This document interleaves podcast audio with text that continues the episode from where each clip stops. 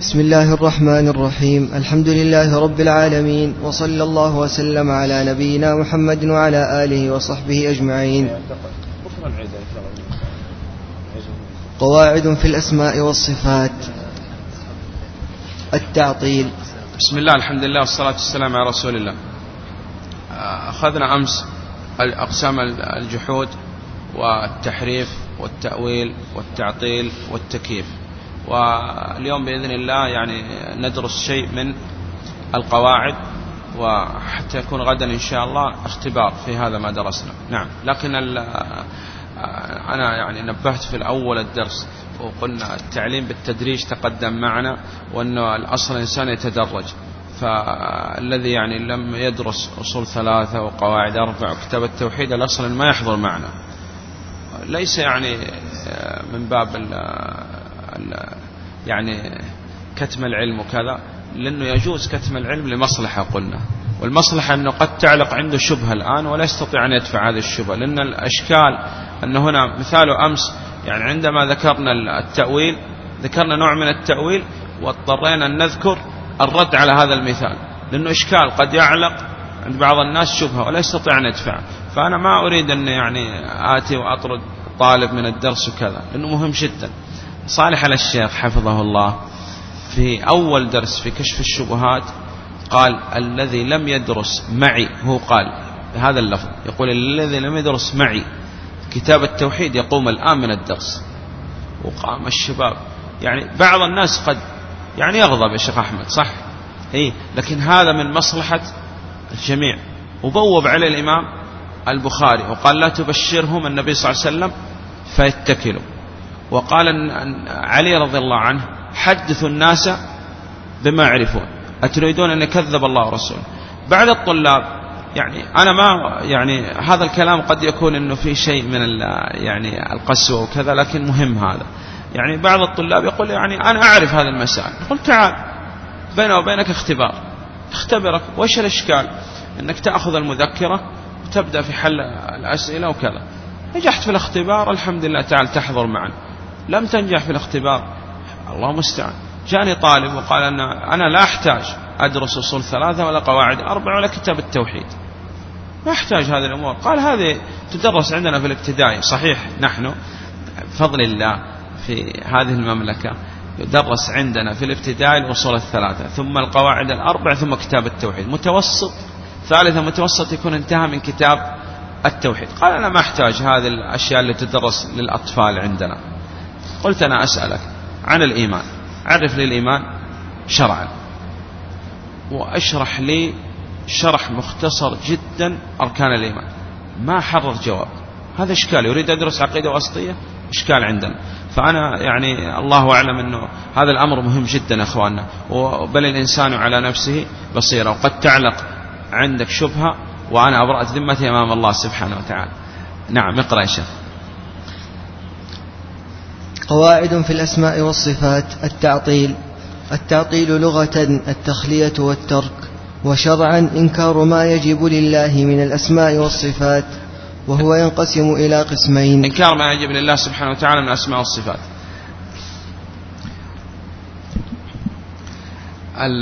الأول تعطيل كلي كتعطيل الجهمية يعطل كل صفات الله سبحانه وتعالى. وعندنا تعطيل جزئي كتعطيل الأشاعر. يثبت بعض الصفات وينكر البعض. نعم. وقال التعطيل لغة التخلية والترك منها قول الله سبحانه وتعالى وبئر معطلة أي مخلاة متروكة مهملة. نعم. وتعطيل ما يجب في حق الله سبحانه وتعالى من الأسماء والصفات. نعم. لماذا ندرس الأسماء والصفات؟ هذا مهم جدا. لو سألنا سائل ما هو السبب لدراستنا للأسماء والصفات. لماذا ندرس الأسماء والصفات؟ نعم. أجاب أنا طيب. يقول أولا لا يمكن أصلا الدخول في التوحيد إلا بإفراد الله سبحانه وتعالى بأنواع التوحيد الثلاثة ومنها توحيد الأسماء والصفات. الثاني هذا أشرف العلوم وأكثر ما يتشوق إلى المسلم التعرف على من؟ على الله سبحانه وتعالى. صح؟ كيف تعبد رب ليس له صفات. يا أبتي لم تعبد؟ ما لا يسمع ولا يبصر ولا يغني عنك شيئا. بعد هذا أيضا سبب لدخول الجنة لأن قال من أحصاها دخل الجنة. فأنا أسعى لهذا الأمر لأنه سبب لدخول الجنة. صحيح؟ نعم.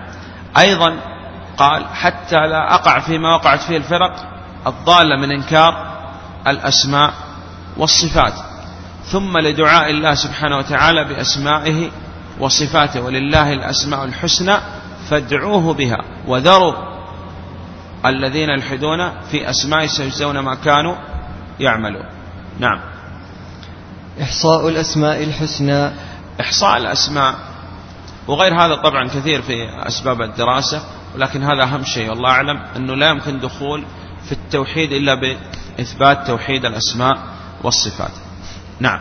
إحصاء الأسماء إحصاءها أولا عدا وحفظا والإيمان بها والعمل بمقتضى الأسماء والصفات.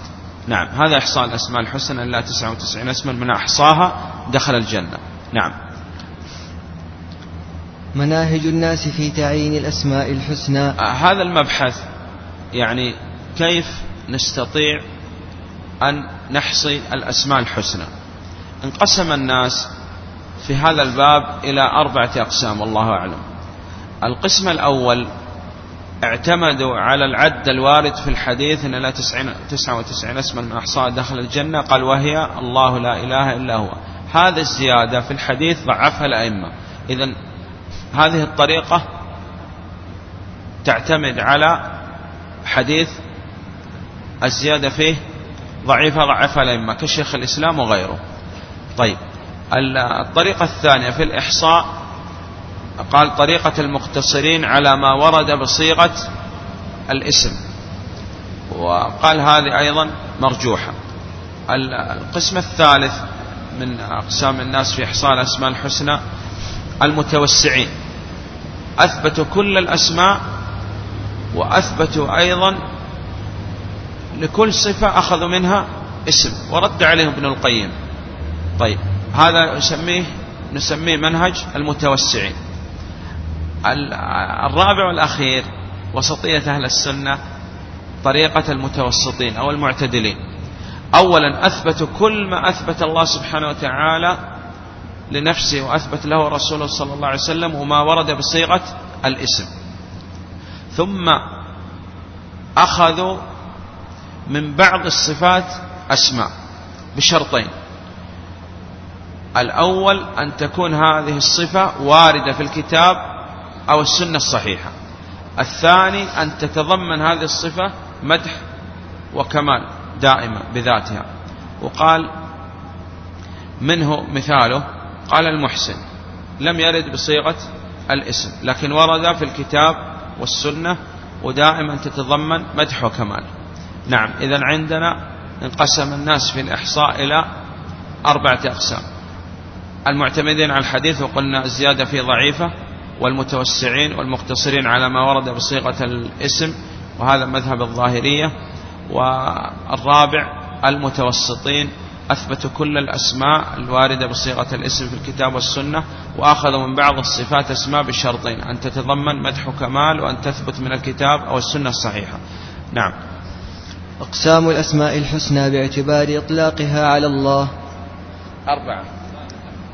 الآن ذكرت ثلاثة. يبقى مذهب المتوسعين أنهم أثبتوا كل الأسماء وأخذوا من كل صفة اسم.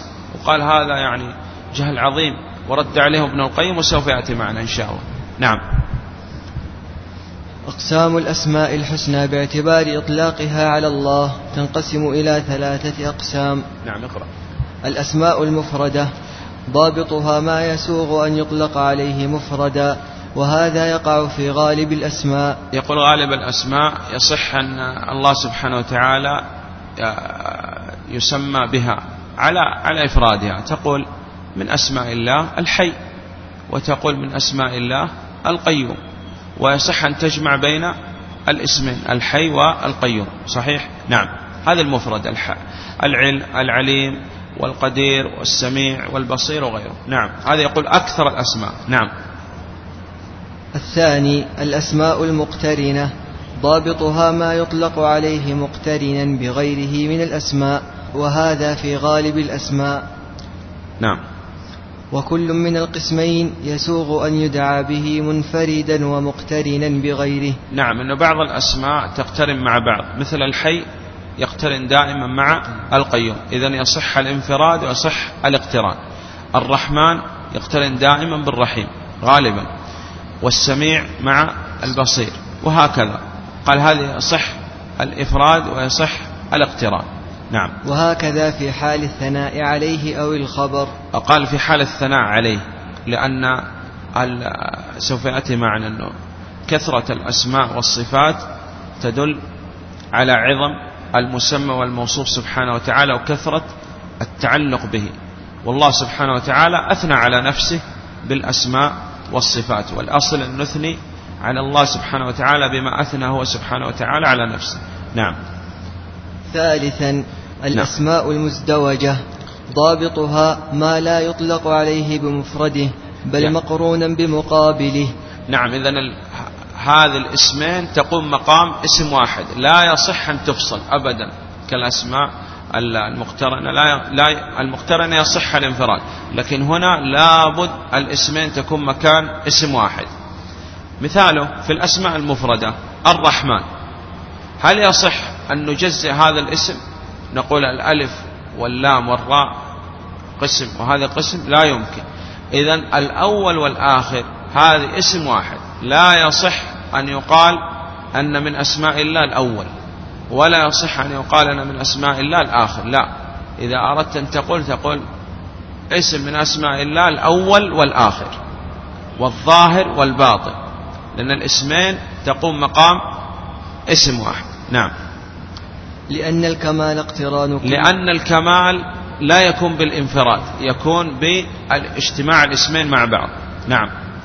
لأن, الكم... لأن الكمال اقتران كل اسم منها بما يقابله فهذه الأسماء تجري الأسماء منها مجرى الاسم الواحد. نعم. الذي يمتنع فصل بعض حروفه عن بعض. مثل قلنا الرحمن لا يصح أن نفصل بعض الحروف عن بعض. كذلك الأول والآخر اسم واحد لا يصح فصل الأول عن الآخر.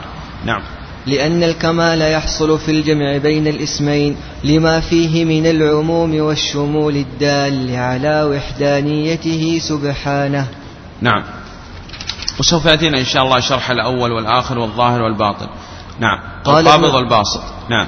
قال ابن القيم رحمه الله تعالى في نونيته هذا ومن أسمائه ما ليس يفرد بل يقال إذا أتى بقران وهي التي تدعى بمزدوجاتها إفرادها خطر على الإنسان. إذ ذاك موهم نوع نقص جل رب العرش عن عيب وعن نقصان كالمانع المعطي وكالضار الذي هو نافع وكماله الأمران ونظير هذا القابض المقرون باسم الباسط اللفظان مقترنان وكذا المعز مع المذل وخافض مع رافع اللفظان مزدوجان. وحديث إفراد اسم منتقم فموقوف كما قال ذو العرفان. ما جاء في القرآن غير مقيد بالمجرمين وجاب ذو نوعان. نعم. خلاصة طريقة أهل السنة والجماعة في الأسماء والصفات ترجع إلى ثلاث قواعد. يقول مختصر القواعد هذه كلها أو إذا طلب منك إنسان أن تذكر له مجمل. اعتقاد أهل السنة والجماعة في الأسماء والصفات تقول ترجع إلى ثلاث قواعد. القاعدة الأولى إثبات والقاعدة الثانية تنزيه.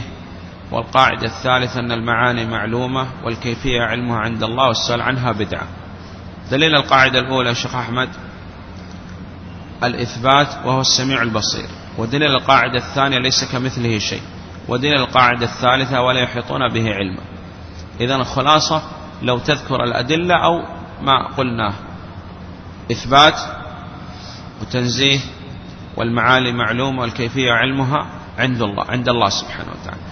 طبق هذه القاعدة في أي آية أو حديث فيها اسم أو صفة من صفات الله. مثال. الرحمن عرش استوى.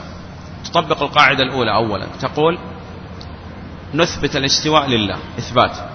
الثاني تنزه أن يكون استواء الخالق الكامل مثل استواء المخلوق الناقص ليس كمثله شيء. الثالث تقول نعلم معنى الاستواء.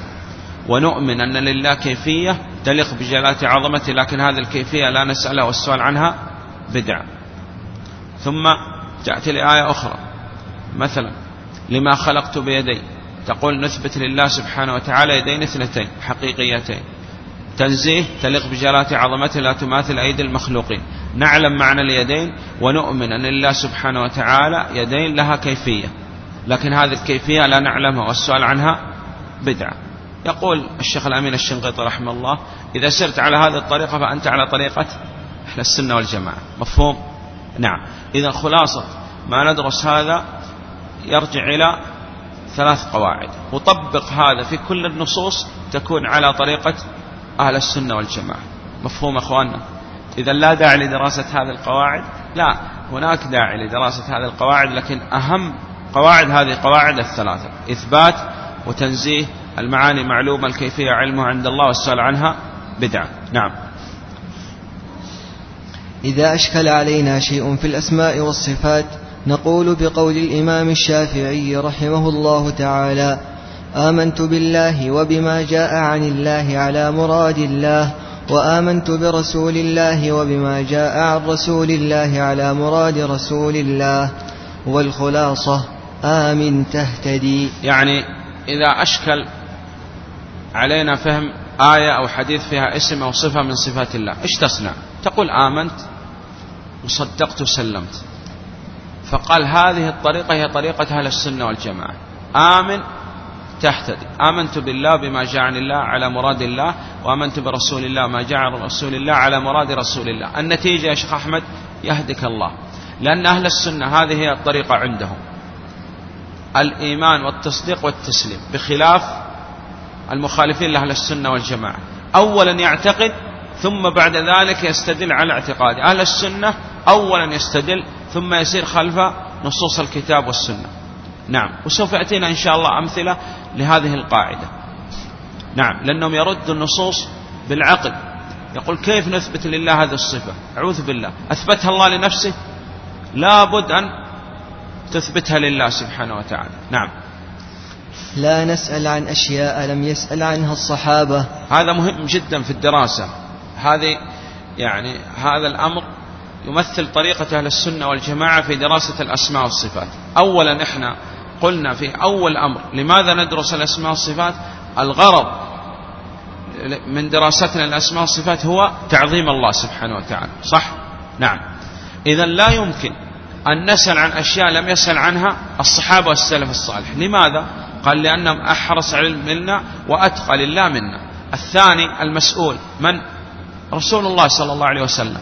أنصح الخلق للخلق وأعلم الخلق بالله سبحانه وتعالى. إذا لا يمكن أن نسأل عن أشياء لم يسأل عنها السلف وسوف يأتي معنا.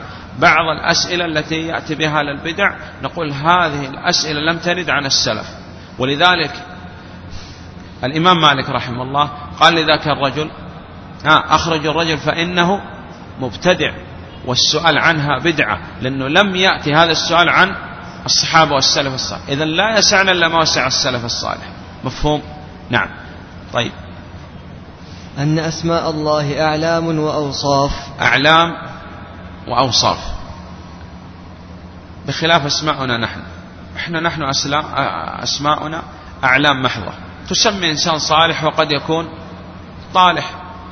ما تغير له هذا الاسم صحيح؟ سمي إنسان عبد الله وقد يكون نسأل الله السلامة والعافية من أفجر خلق الله. لكن أسماء الله أسماء وأوصاف كل اسم سوف يأتي معنا. لابد يتضمن صفة من صفات الله ولا يكون نوع من أنواع الإلحاد لأن من أنواع الإلحاد أخذنا أن يثبت الاسم وينكر الصفة. إذا أسماء الله سبحانه وتعالى هي أسماء ولابد تتضمن وصف لله سبحانه وتعالى. مثاله السميع. اسم من أسماء الله متضمن لصفة السمع. العليم اسم من أسماء الله متضمن لصفة العلم. وهكذا. مفهوم؟ نعم. أن أسماء الله تعالى أعلام وأوصاف وليست أعلاما محضة فهي من حيث دلالتها على الذات أعلام ومن حيث دلالتها على الصفة التي يتضمنها. هذا الاسم أوصاف. وهذا واضح الحمد لله. نعم. دلالات الاسم. آه للاسم ثلاث دلالات. دلالة مطابقة ودلالة تضمن ودلالة التزام. ونمثل بسيارة الشيخ أحمد. أحمد اشترى سيارة وجاء للشيخ محمد قال أنا اشتريت سيارة. الشيخ محمد هل يفهم أنه اشترى قطار طائرة؟ ها؟ جوال؟ لا. لابد الاسم ينطبق على المسمى. سيارة سيارة. ليست بقطار ولا دراجة ولا جوال ولا غيره. صحيح يا شيخ؟ إذا هذا الأول. سيارة دلالة مطابقة. الاسم لابد ينطبق على على السيارة. صح؟ تمام. على المسمى. نعم. طيب. الثاني دلالة تضمن. الشيخ محمد عندما سمع أن الشيخ أحمد اشترى سيارة لابد هذه السيارة تتضمن أشياء. مثل يا شيخ أحمد. ها؟ مقاعد يقول. وإطار وعجلات. صحيح؟ نعم. وأجهزة وكذا. ونوافذ. لابد هذه السيارة غير السيارة ما تكون سيارة هذه. صحيح؟ طيب. هذه دلالة تضمن لابد تتضمن أشياء. الثالث ركب الشيخ محمد هذه السيارة وأعجبته هذه السيارة. لابد يقول أن هناك من صنع هذه السيارة شركة مصنعة. وإذا كانت هذه السيارة جيدة وكذا هو يقول يتعرف أنه هذا الصانع لهذه السيارة أتقن في صنع السيارة. هذه يسميها العلماء دلالة التزام. كل اسم سواء كان أسماء لأشياء خلق الله سبحانه وتعالى واسم من أسماء الله لابد تتضمن ثلاث أشياء. الشيخ أبو طلحة يقول عندي بيت في مدينة كذا. تفهم أنه عنده قطار؟ لا. بيت بيت. دلالة مطابقة. تضمن هذا البيت لابد له أبواب ونوافذ؟ صح. والتزام لابد أن هذا البيت جاء إنسان وبنى هذا البيت. صحيح. عمال وما لذلك وكذا. صح. إذا كل اسم من الأسماء لابد فيه ثلاث دلالات. انتهينا. بالنسبة لأسماء الله الاسم من الاسم له ثلاث دلالات. الاسم أول دلالة مطابقة. فالله سبحانه وتعالى من أسمائه الخالق. هو من أسماء الخالق وهو خالق سبحانه وتعالى. إذا الاسم لابد ينطبق على على المسمى. الخالق اسم من أسماء الله وهو خالق سبحانه وتعالى. تضمن قلنا لابد كل اسم داخله صفة متضمن لصفة الخلق. طيب التزام. قال هذا المبحث تتركه الآن. بعد فترة تقرأ في الكتب التي شرحت الأسماء الحسنى تجد فيها كل اسم يذكر العلماء فيه دلالة التضمن والمطابقة والالتزام. مثاله في الخالق. لا يمكن أن يكون خالق إلا بعلم وقدرة. والله سبحانه وتعالى قال هذا في القرآن. الله الذي خلق سبع سماوات ومن الأرض مثلهن. يتنزل الأمر بينهن لماذا؟ قال لتعلموا أن الله على كل شيء قدير وأن الله قد أحاط بكل شيء علما. إذا الخالق في دلالة التزام في أشياء أسماء أخرى تدل على هذا الاسم وهو العلم والقدرة. مثاله رجل أخذ قطعة من اللحم وضع هذه القطعة في إناء وأحكم إغلاق هذا الإناء. بعد فترة هذا اللحم يتحول إلى دود صحيح؟ نعم. فقال هذا الرجل أنا خلقت هذا الدود. جاء إليه إنسان وقال طيب إذا تقول أنك أنت الذي خلقت هذا الدود كم عدده؟ كم الذكور؟ كم الإناث؟ متى يموت؟ قال لا أدري. قال ألا يعلم من خلق؟ وهو اللطيف الخبير. إذا ما يمكن يكون خالق إلا بعلم. هذا يسميه العلماء دلالة التزام. كيف تطبقها الآن في الأسماء الحسنى؟ ليس مبحثنا الآن. المهم الآن عندنا شيخ تعرف ثلاث دلالات مطابقة وتضمن التزام. وبعد هذا وهذا أمر ترى يعني الناس فيه بين تفريط كثير أكثر الناس أنهم ما يدرسوا الكتب التي فيها شرح الأسماء الحسنى. إذا نحن في هذه المرحلة ندرس القواعد وما ذلك بعد هذا إن شاء الله لابد ندرس شرح الأسماء الحسنى حتى تثبت الثلاث دلالات مطابقة وتضمن والتزام. نعم. نقف؟ أي نقف الله أعلم. إلى هنا. غدا إن شاء الله نكمل ويوم السبت إن شاء الله يكون الاختبار التحريري تأتون به إن شاء الله. سبحانك اللهم وبحمدك.